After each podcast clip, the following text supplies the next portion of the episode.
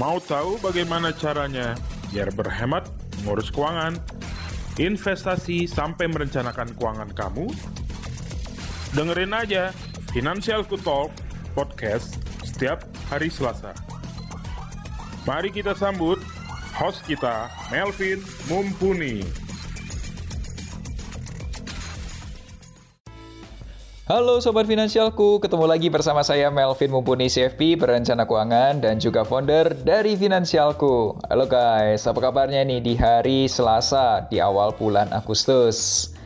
Ada kabar gembira karena dua atlet bulu tangkis Indonesia, Gracia dan Apriani berhasil bawa pulang nih medali emas dari Tokyo. Dan ternyata cerita PPKM belum selesai. Kemarin Pak Presiden mengumumkan ada perpanjangan PPKM. Nah, semoga Sobat finansialku tetap sehat dan patuhi protokol kesehatan ya. Di podcast FinTalk Finansialku Talk episode 134, aku akan ngobrol-ngobrol sama salah satu pakar yang mendalami cryptocurrency. Jarang-jarang kan ngobrolin kripto. Dan selain itu aku akan jawab pertanyaan sobat finansialku mengenai trading berjangka seperti trading forex, gold, dan lain sebagainya. So guys, supaya tetap kamu update podcast terbarunya, langsung aja follow Fintalk, Finansialku Talk Podcast di Spotify yang hadir setiap hari Selasa. Podcast Fintalk juga dapat kamu dengar melalui Apple Podcast, Google Podcast, dan aplikasi Finansialku. Yuk, langsung aja download aplikasi Finansialku di Google Play Store atau juga di App Store.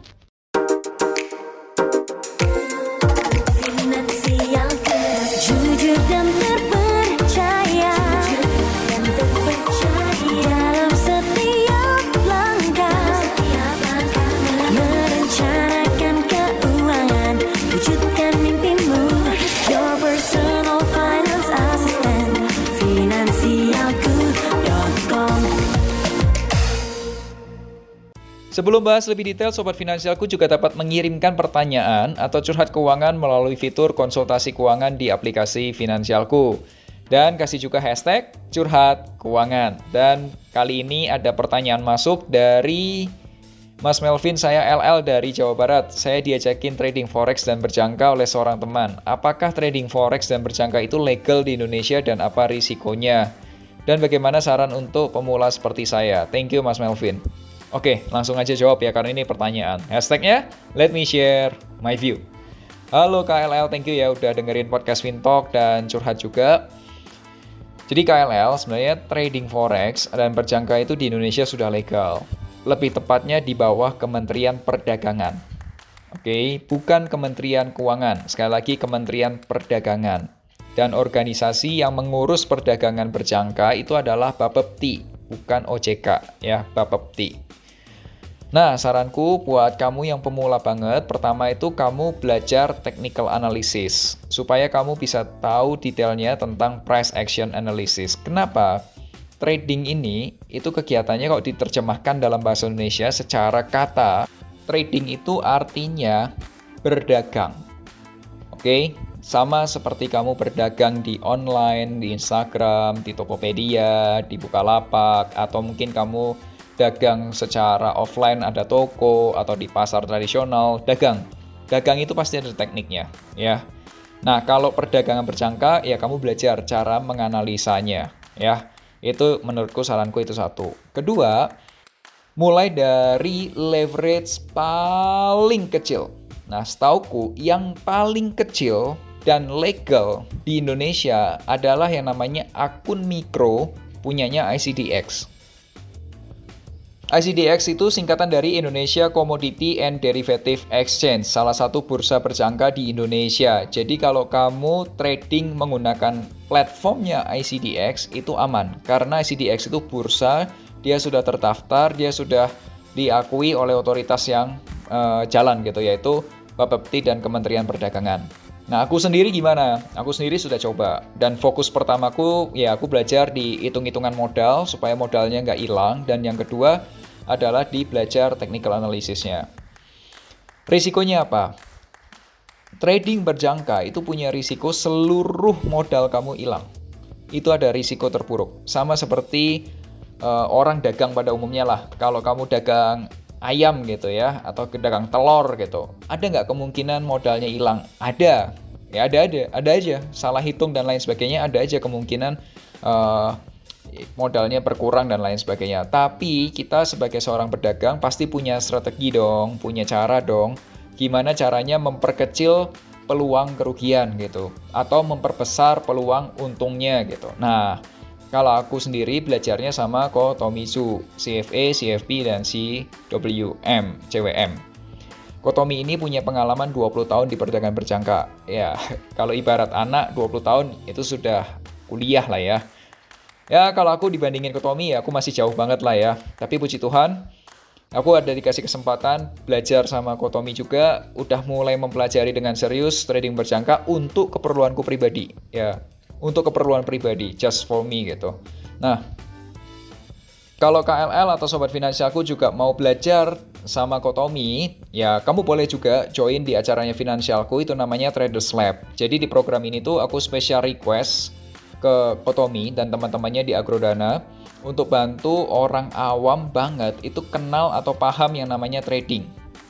Programnya benar-benar didesain untuk orang yang benar-benar awam mulai dari nol, nggak ngerti sama sekali. Karena apa? Pertama kita ada satu hari seminar full, full day seharian di online di Zoom. Kemudian kita ada tiga bulan coaching via WhatsApp dan atau Zoom. Itu seminggu sekali kita Zoom kita bahas. Nah waktu dibahas apa yang dibahas? Satu tentang update-nya seperti apa.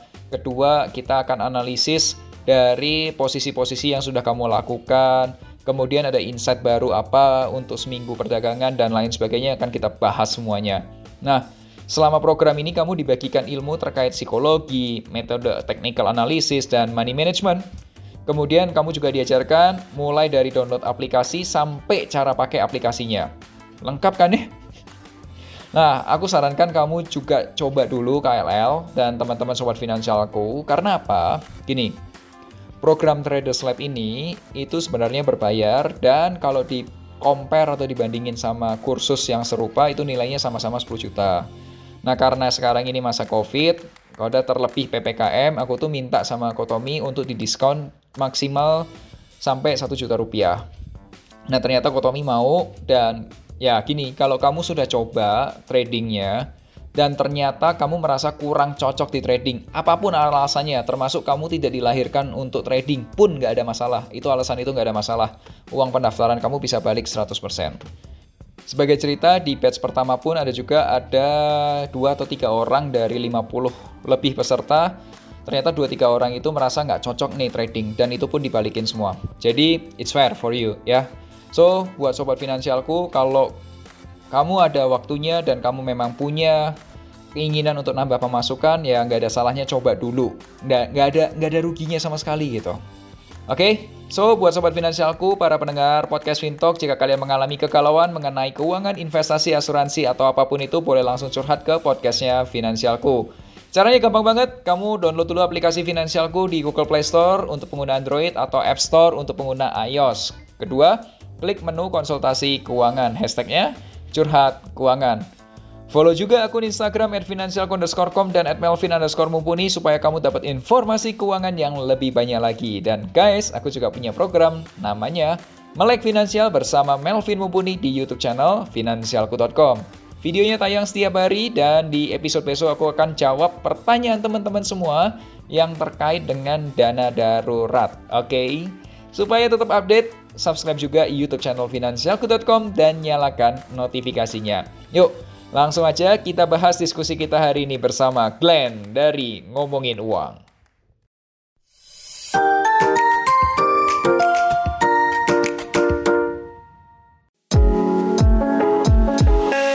Teman-teman sobat finansialku, kembali lagi bersama saya Melvin Mumpuni CFP, perencana keuangan dan juga founder dari finansialku.com. Kali ini saya ditemani oleh Oke, okay. uh, eh, halo semuanya. Nah, kenalin nama saya Glenn Ardi dari channel Ngomongin Uang. Mungkin beberapa ada yang udah tahu ya. Kalau ada yang belum tahu bisa cek juga di Instagram maupun di YouTube-nya di Ngomongin Uang. Hari ini kita mau ngobrol apa nih, Mel?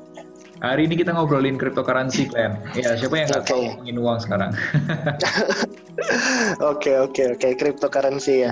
Gimana, yeah. gimana? Mm Karena sekarang semua orang lagi ngobrolin apa cryptocurrency dan bisa jadi ada apa ya pemahaman-pemahaman yang kurang pas gitu Glenn. Nah, aku lihat waktu lu ngobrol sama Kodivan ngobrolin tentang cryptocurrency.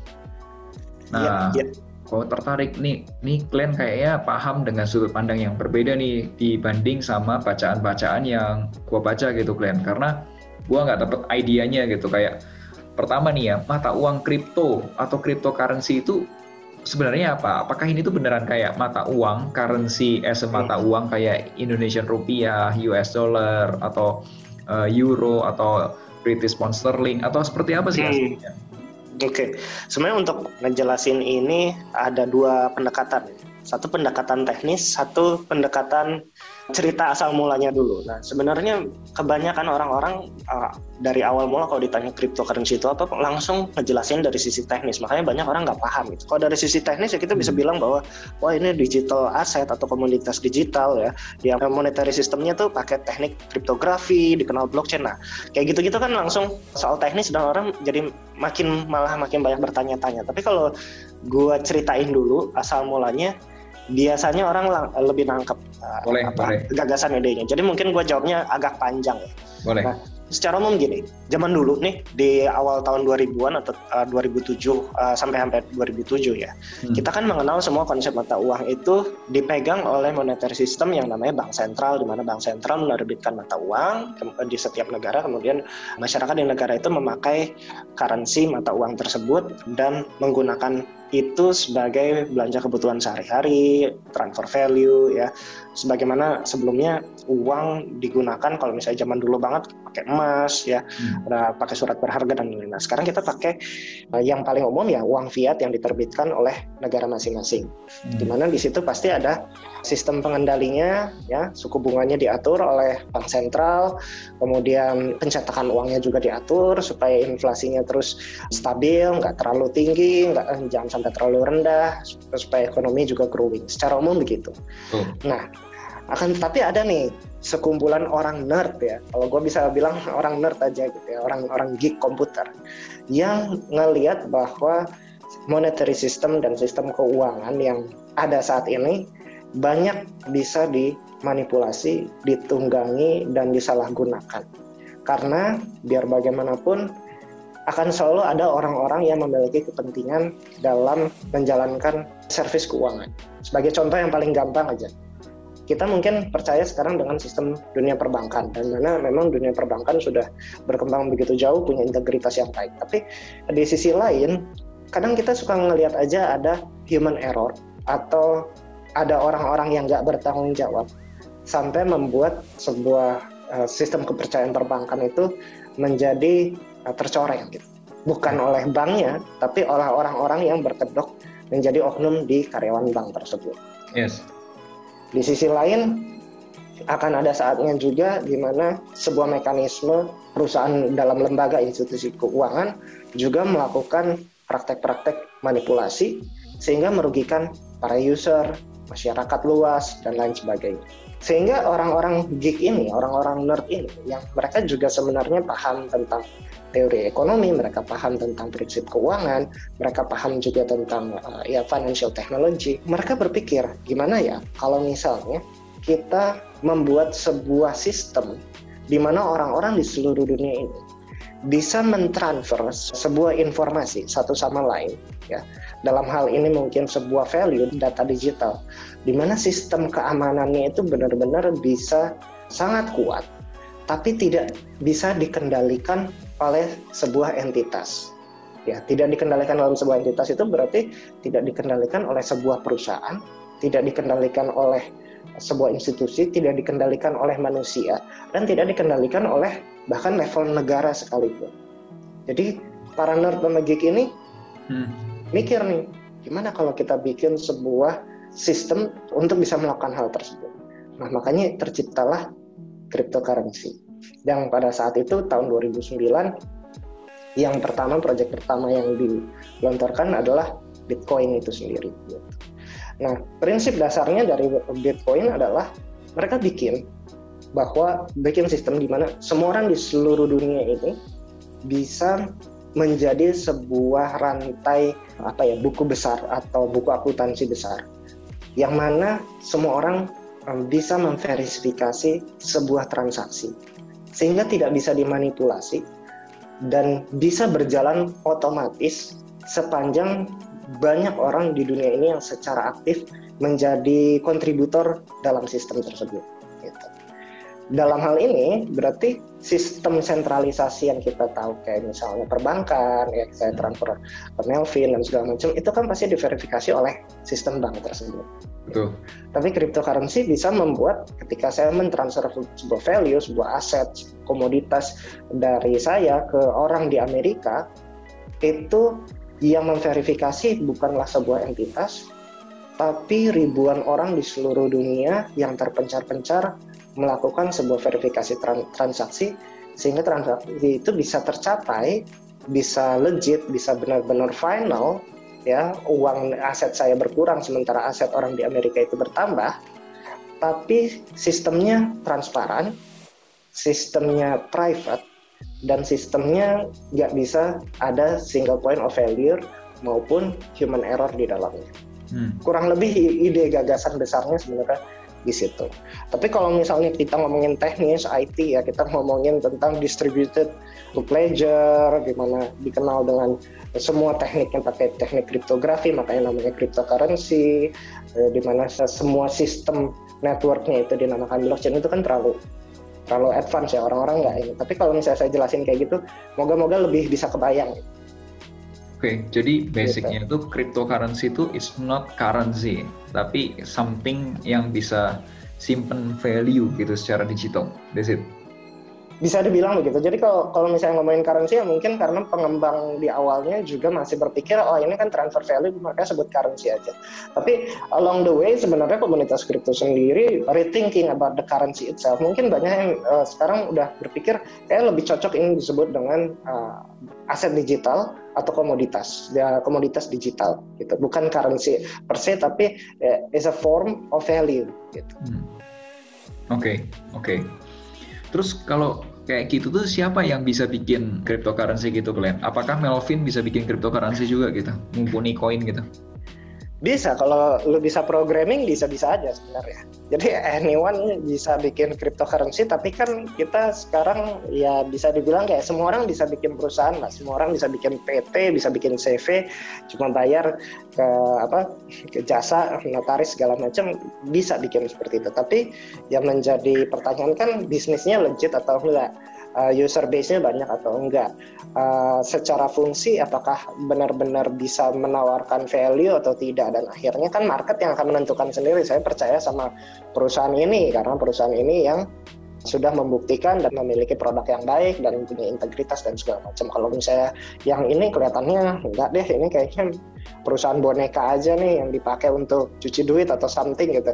Ya kita bisa ngelihat begitu juga dengan kripto gitu. Kripto semua orang sebenarnya selama punya kemampuan programming bisa-bisa aja menerbitkan cryptocurrency, tapi pada akhirnya market yang menentukan mana kripto yang memiliki value yang benar-benar punya fungsi nyata di masa depan dan punya prospek yang cerah. Kira-kira seperti itu. Oke, okay, Glenn. Gue mau nanya Glenn, hmm. kalau misalnya kayak gitu. Kan lu bilang okay. crypto itu lebih cocok kalau dikatakan aset digital yang bisa menyimpan value, ya kan? Ya. Yeah. Nah, kalau aset yang tidak digital bisa menyimpan value, contohnya kan emas, logam mulia, gitu kan, Glenn? Betul, betul. Tapi yang menciptakan emas kan Tuhan bukan manusia. Iya iya iya. What do you think? Kalau kripto semua orang bisa bikin. Kalau dari sisi sini sih gue ngeliat gitu. Emas, kenapa sih kita bisa ngelihat emas itu berharga gitu. Hmm. Sebenarnya semua bisa ditarik oh karena Tuhan atau kalau misalnya karena emas itu memang dari dulu berharga. Tapi kalau misalnya gue ngomong dari sisi teknikal, gue maksudnya dari scientific approach kita bisa bilang bahwa emas itu dinilai berharga karena collective agreement dalam pikiran manusia miliaran orang di dunia ini berpikir seperti itu gitu. Sesederhana itu.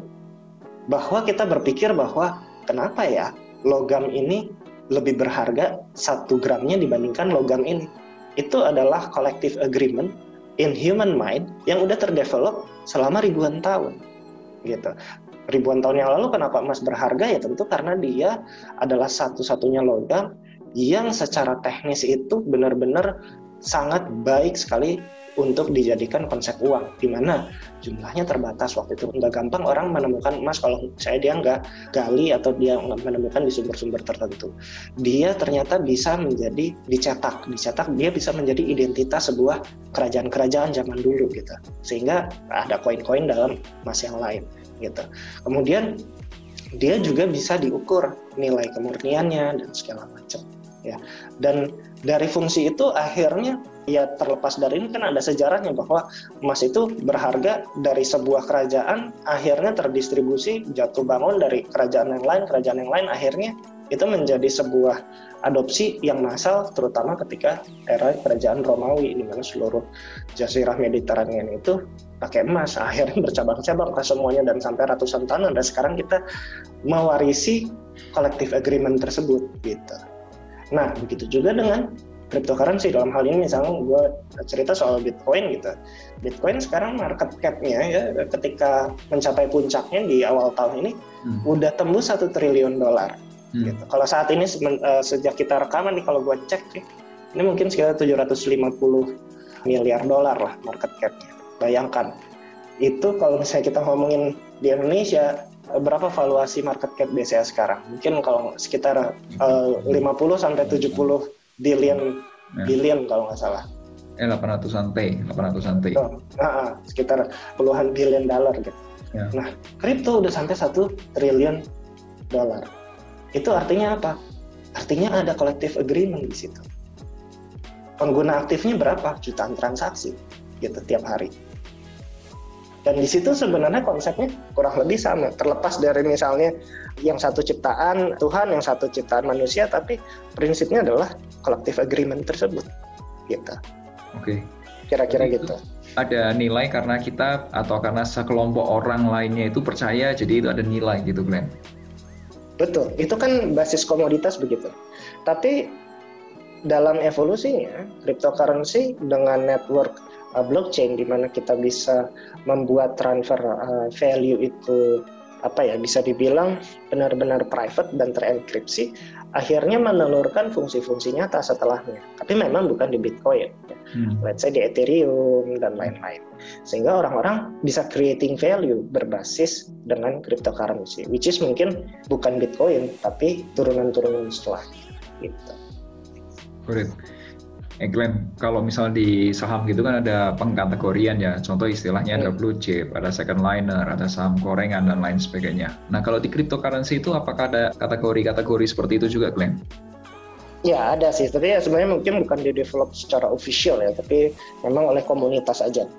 Hmm. Secara umum sebenarnya terbagi jadi tiga ya ya Bitcoin itu sendiri sebagai mbahnya cryptocurrency ya sebagai hmm. cryptocurrency yang berbasis desentralisasi pertama yang digunakan secara aktif. Hmm. Yang kedua adalah yang disebut dengan altcoin atau alternatif coin dalam arti apa ya semua koin yang bukan eh, Bitcoin gitu termasuk Ethereum aja sekarang masih dikategorikan sebagai altcoin atau alternatif coin. Mungkin hmm. itu bisa dibilang second liner lah Hmm. Nah, ketiga itu, oh mungkin empat ya, ada empat ya. Ketiga itu adalah shitcoin, misalnya shit itu ya dalam bahasa Inggrisnya kotoran gitu ya. Ya itu mungkin bisa disamakan kayak saham gorengan di mana uh, sebenarnya itu diciptakan oleh orang-orang yang iseng ya, yang enggak yang tidak tidak niat-niat banget sehingga akhirnya menjadi sebuah instrumen untuk menggerakkan harga secara agresif tapi pada akhirnya uh, proyeknya hanya iseng-iseng akhirnya ditinggalkan. Itu biasanya disebut shitcoin. Nah yang keempat mungkin bisa dibilang stable coin. Stable coin itu sebenarnya mungkin itu adalah bagian dari proses adopsi cryptocurrency yang mana uh, komunitas itu sadar bahwa sebagian besar masyarakat di dunia masih menggunakan mata uang fiat. Sehingga diciptakanlah sebuah token berbasis kripto yang pergerakan harganya dipatok dengan pergerakan harga uang-uang fiat seperti US dollar ya, euro, termasuk juga dengan rupiah gitu. Makanya ada apa namanya ya, USDT, USD token, ada uh, Binance USD, ya, ada USDC. Kalau misalnya Indonesia ada Indonesian token, ada Binance IDR gitu, dan rupiah dan seterusnya kira-kira gitu. Jadi ada empat lah kategori secara umum. Tadi yang pertama Bitcoin, kedua alternatif coin, yang ketiga shitcoin dan yang keempat tadi apa? Len? St stable coin. Oh, yang stable stabil. Coin. Ya, okay. coin yang stabil.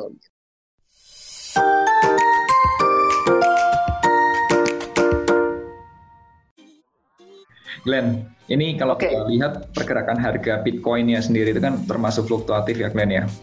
Yap in the story itu cryptocurrency itu pernah turun katakanlah sampai 40%, 50% dari harga sebelumnya gitu. Turunnya itu setengah harga gitu, ya kan? Ya, betul. Dan itu tuh terjadi beberapa kali, nggak cuma sekali dua kali gitu, Glenn. Ya. Nah, pertanyaan dasarnya adalah kenapa harga cryptocurrency khususnya kayak Bitcoin itu itu bisa sangat fluktuatif, bisa naik turun naik turun cepat gitu. Ya, sebenarnya jawabannya simpel sih karena Bitcoin atau cryptocurrency ini kan masih anak kemarin sore ya dalam uh, dunia digital. Sehingga apa? proses adopsinya, proses user base-nya itu kan pasti sangat jauh sekali dibandingkan yang lain katakanlah saham atau misalnya komoditas yang lain gitu.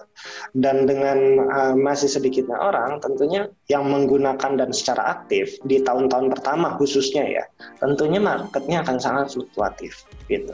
Hmm. dengan modal yang sedikit aja ada orang yang bisa menaikkan harga yang secara agresif dan menurunkan harganya secara agresif.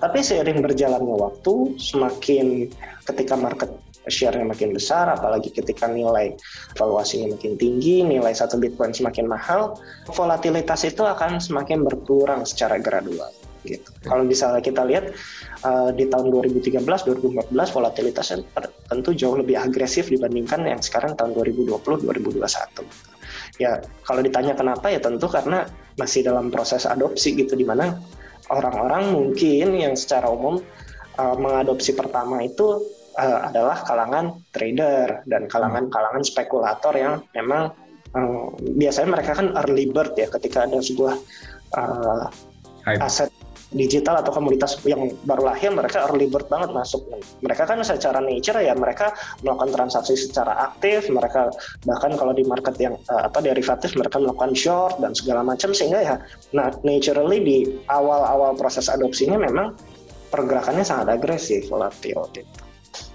Oke, okay, Terus pertanyaannya, apakah cryptocurrency kayak Bitcoin itu bisa menjadi nol? Karena aku lihat beberapa koin, mungkin shitcoin yang aku lihat ya, itu bisa nol. Hmm.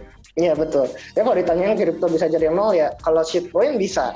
Ketika secara value baik dari penggunaan nyata maupun adopsinya itu nggak menjadi snowball effect yang terus berjalan, apalagi ketika developernya udah nggak ngembangin lagi fungsinya, ya tentu bisa jadi nol gitu.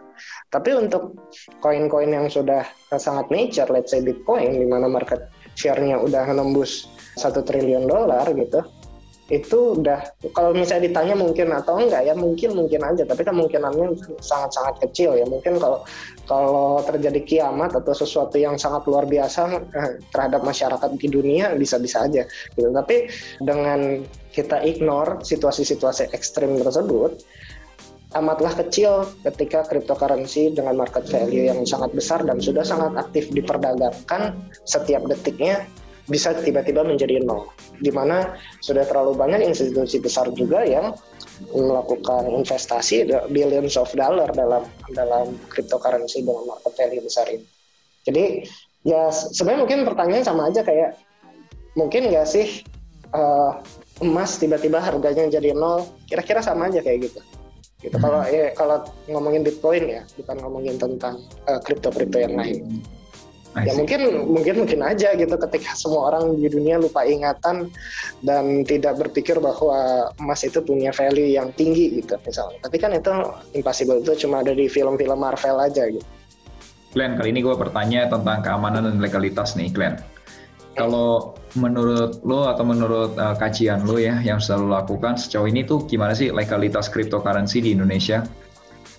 Oke, okay, sebenarnya kalau keamanan sama legalitas di kripto ini dua topik yang berbeda ya. Gue jawab dulu yang legalitas dulu ya. Hmm. Kalau di Indonesia, uh, Bitcoin dan cryptocurrency pada yang sebagian besar cryptocurrency itu sudah punya payung hukum di bawah Bapepti yang mana dikategorikan sebagai komoditas digital atau aset digital. Hmm. Jadi kalau misalnya ditanya oh Bitcoin kan dilarang di Indonesia tidak karena uh, di Indonesia sudah ada badan hukum yang menaungi, yang mengatur dan mengawasi uh, perdagangannya. Begitu juga dengan exchange exchange uh, lokal itu sudah mendapatkan izin uh, dari Bapepti, bahkan sudah banyak beberapa koordinasi maupun kerjasama di level-level uh, institusi uh, dan juga government. Nah, kalau ngomongin tentang keamanan, ini sebenarnya bisa dibilang luas banget ya.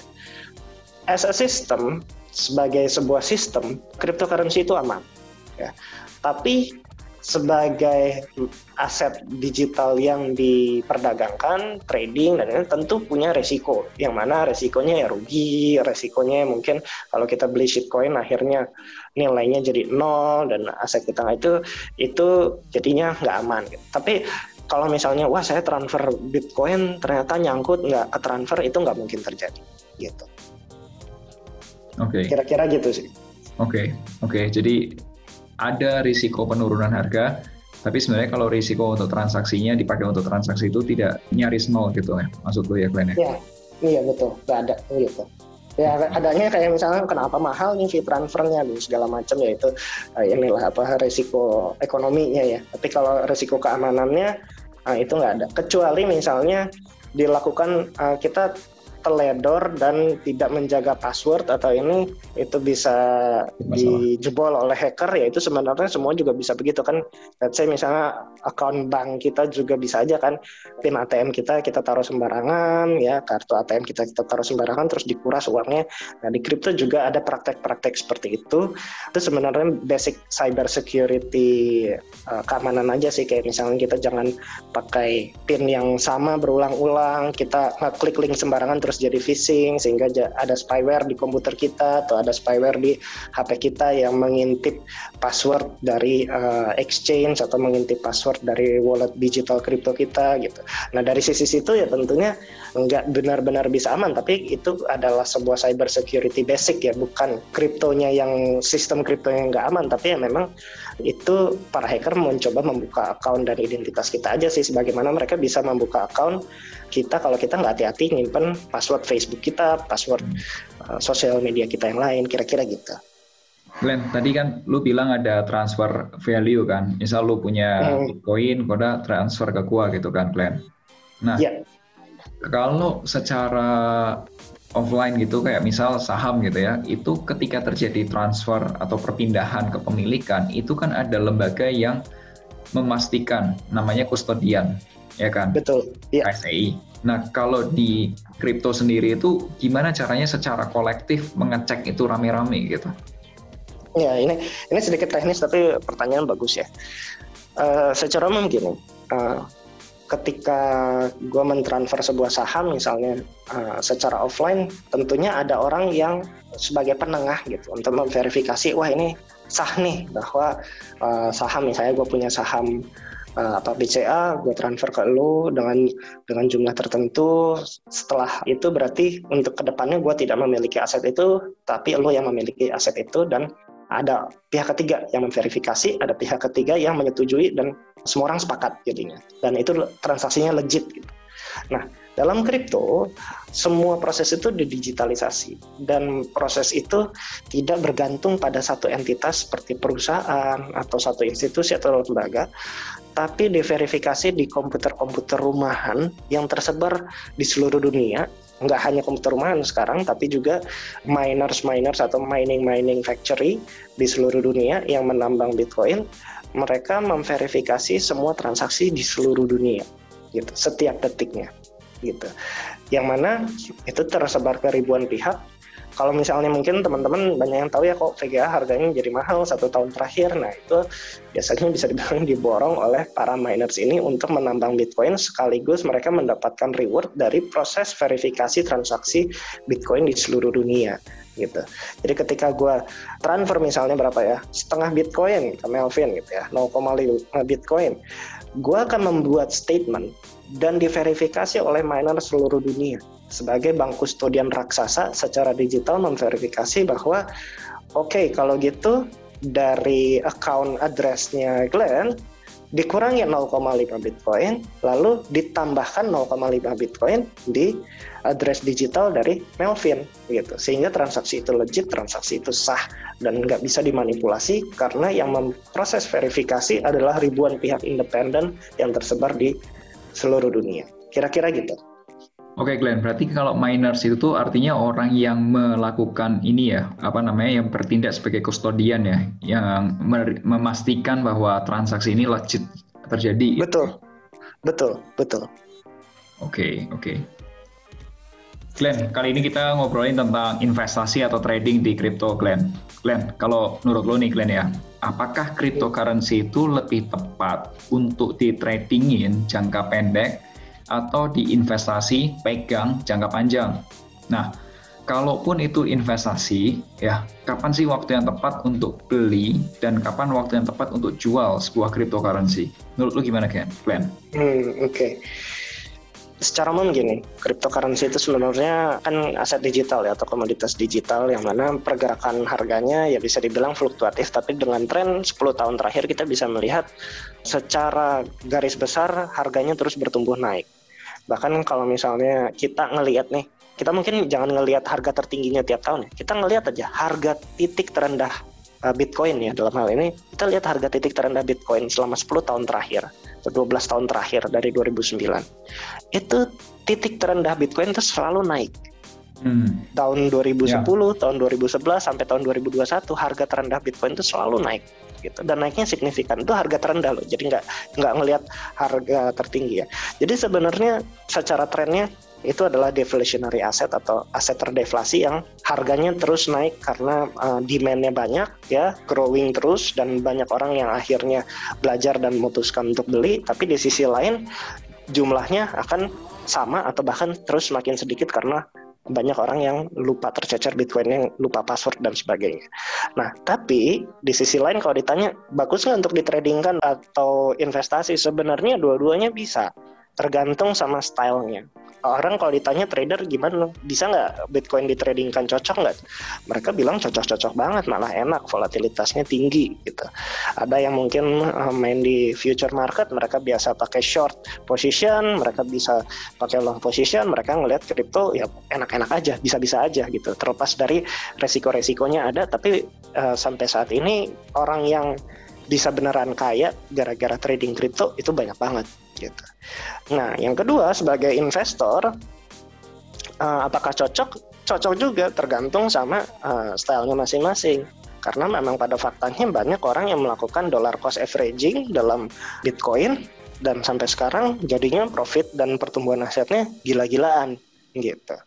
Nah, cuma memang dalam uh, proses investasi ini sedikit berbeda ya sama uh, investasi saham ya. Mungkin kita bisa verifikasi uh, momentum berdasarkan dengan ya laporan keuangan yang kita analisis lah kemudian kita lihat kinerja bisnis perusahaannya. Nah tapi kalau Bitcoin ini karena dia memang bukan sebuah bisnis yang punya kita bisa ukur berapa profitnya dan segala macam ya kita memang bisa melihatnya hanya dari fluktuasi demand sama supply-nya aja gitu. Jadi kalau ditanya kapan sih momentum yang tepat untuk beli cryptocurrency, uh, pertanyaannya sebenarnya dua, kripto yang mana dulu gitu. Kalau Bitcoin sebenarnya bisa dibilang cukup layak untuk jadi salah satu diversifikasi dari investasi, tapi kalau koin-koin yang lain mungkin harus dipelajari dulu ya apakah proyeknya itu beneran punya uh, dampak nyata di masa depan sebagaimana kayak kita investasi ke startup aja gitu. Uh, ini legitnya ini masa depan. Nah, kedua adalah bagaimana cara kita melakukan proses investasinya kalau misalnya Bitcoin atau yang market cap-nya udah besar ya, itu gue sarankan sebenarnya bisa melalui teknik dollar cost averaging di mana kita nyicil pelan-pelan aja gitu dan fokus memang benar-benar jangka panjang gitu. Nah untuk uh, project-project yang lain di luar Bitcoin sistem analisisnya adalah kita benar-benar menilai uh, mungkin bisa dibilang apa ya uh, kita investigasi proyeknya ini sebenarnya secara teknis apakah betul-betul mendisrupsi fungsi atau solusi-solusi teknologi yang udah ada saat ini atau tidak. Apakah mereka seambisius itu bisa menjadi game changer atau enggak gitu. Kalau bisa jadi game changer kalau misalnya timnya solid kalau punya rekam jejak yang baik dan kita percaya ya itu jadi basis pertimbangan untuk berinvestasi gitu. Kira-kira gitu sih. Oke. Okay. Berarti kalau menurut lu masa depan kripto khususnya yang si Bitcoin seperti apa? Uh, kalau misalnya gue bilang tergantung ya. Kalau gue ngomong dalam eh, jangka waktu enam bulan ke depan ya gue nggak tahu gitu. Kalau setahun ke depan ya bisa jadi banyak yang prediksi lagi proses koreksi gitu. Tapi kalau ngomongin 10 tahun lagi 20 tahun lagi ya Bitcoin itu adalah sebuah uh, deflationary asset di mana jumlah supply-nya akan terus berkurang gitu. Karena seiring dengan orang-orang teledor nggak bisa ini supply-nya nggak bisa bertambah. Tapi demand-nya, orang yang mengadopsi, orang yang baru tahu, orang yang mungkin saat ini masih remaja, masih anak SD, 10 tahun lagi baru tahu tentang Bitcoin dan akhirnya beli, itu akan terus growing seiring dengan bertambahnya jumlah manusia yang ada di dunia ini gitu.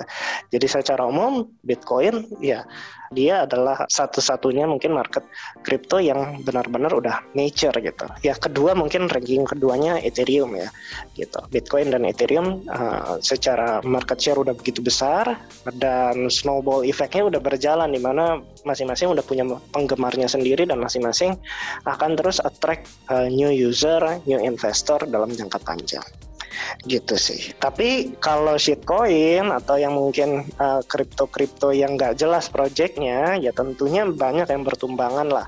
Uh, sama aja kayak misalnya startup itu kan yang berhasil kan yeah. di Indonesia berapa sih startup misalnya berapa belas startup yang bagus gitu ya 20 atau ini tapi kan startup yang gagal banyak banget cuma kita nggak tahu aja startup kecil-kecil banget gitu yang akhirnya gagal di tengah jalan dan seterusnya. Oke. Okay. Gitu. Kalau saran lu buat pemula yang mau belajar kripto gimana, Glenn?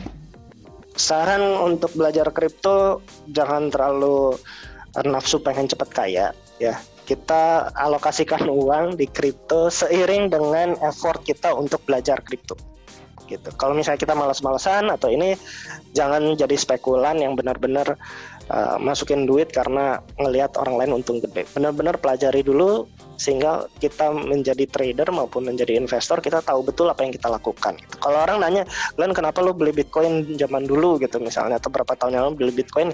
Jawaban gue simpel karena gue tahu apa itu Bitcoin, karena gue tahu apa itu cryptocurrency, karena gue tahu betul apa yang gue beli gitu. Nah harapan gue orang yang belajar pun juga punya jawaban yang sama gitu. Kira-kira gitu sih, Vin. Ya, itu yang gue lakukan juga, Glenn. Sebenarnya gue nggak gitu ngerti tentang uh, kripto dan gue coba baca buku udah banyak banget tentang kripto, udah ada online course banyak tentang kripto. Tapi fundamentally aku belum belum belum paham dan belum believe gitu. Nah, ternyata ngobrol-ngobrol sama lo tambah sudut pandang yang berbeda ya. Semoga bisa semakin ini ya, semakin yeah. gitu, pede untuk masuk. Iya. Yeah. Ya, tapi betul betul. Jadi memang memang betul jauh lebih baik dengan dengan pendekatan itu. Hmm. Jauh, jauh lebih baik dengan pendekatan itu bahwa sebelum kita benar-benar ngetri ya jangan jangan langsung jadi spekulan tapi benar-benar secara bertahap aja dulu. Got it, got it, oke, okay. oke. Okay. Glenn, kita sekarang sudah di akhir podcast di episode kali ini. Uh, lu ada saran-saran buat teman-teman lainnya atau mungkin ada pesan-pesan buat teman-teman lainnya? Uh, apa ya? Ya pesan-pesannya mungkin sama ya kayak tadi ya bahwa ketika kita mau investasi atau kita ketika kita mau melakukan sesuatu fokus dulu sama knowledge-nya ya. Jangan langsung terburu-buru karena kripto uh, nggak akan tutup kok besok. Selalu akan ada momentum buat naik gitu. Sama aja kayak saham gitu ya. Kita nggak usah terburu-buru. Besok pasti akan ada saham yang hijau gitu. Hari esok selalu ada gitu. Maksudnya nanti Senin juga buka gitu perdagangan. Apalagi kripto 24 jam buka. Jadi santai aja.